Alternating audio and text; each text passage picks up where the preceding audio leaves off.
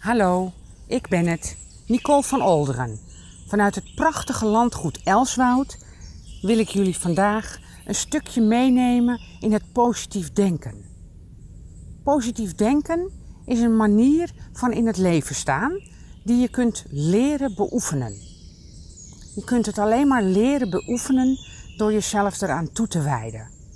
Door je te disciplineren.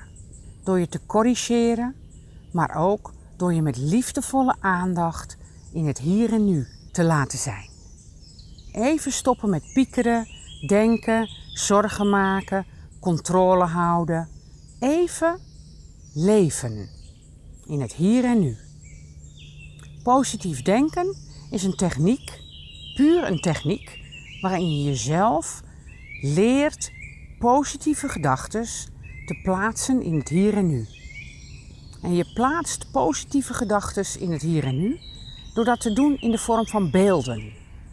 Want je gedachtenstroom werkt met beelden. Dus je visualiseert of fantaseert een prachtig of ontroerend of emotioneel of warm of liefdevol beeld uit je herinneringen. Misschien een hele mooie bos bloemen of een nest met jonge beestjes. Of een prachtige vakantie. Of een strand.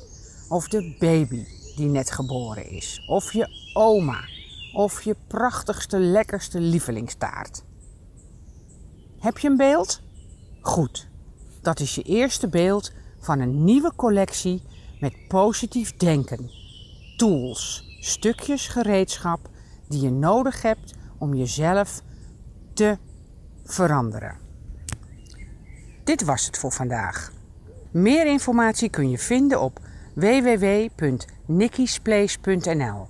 N I C K Y S P L A C E.nl. En een fijne dag vandaag.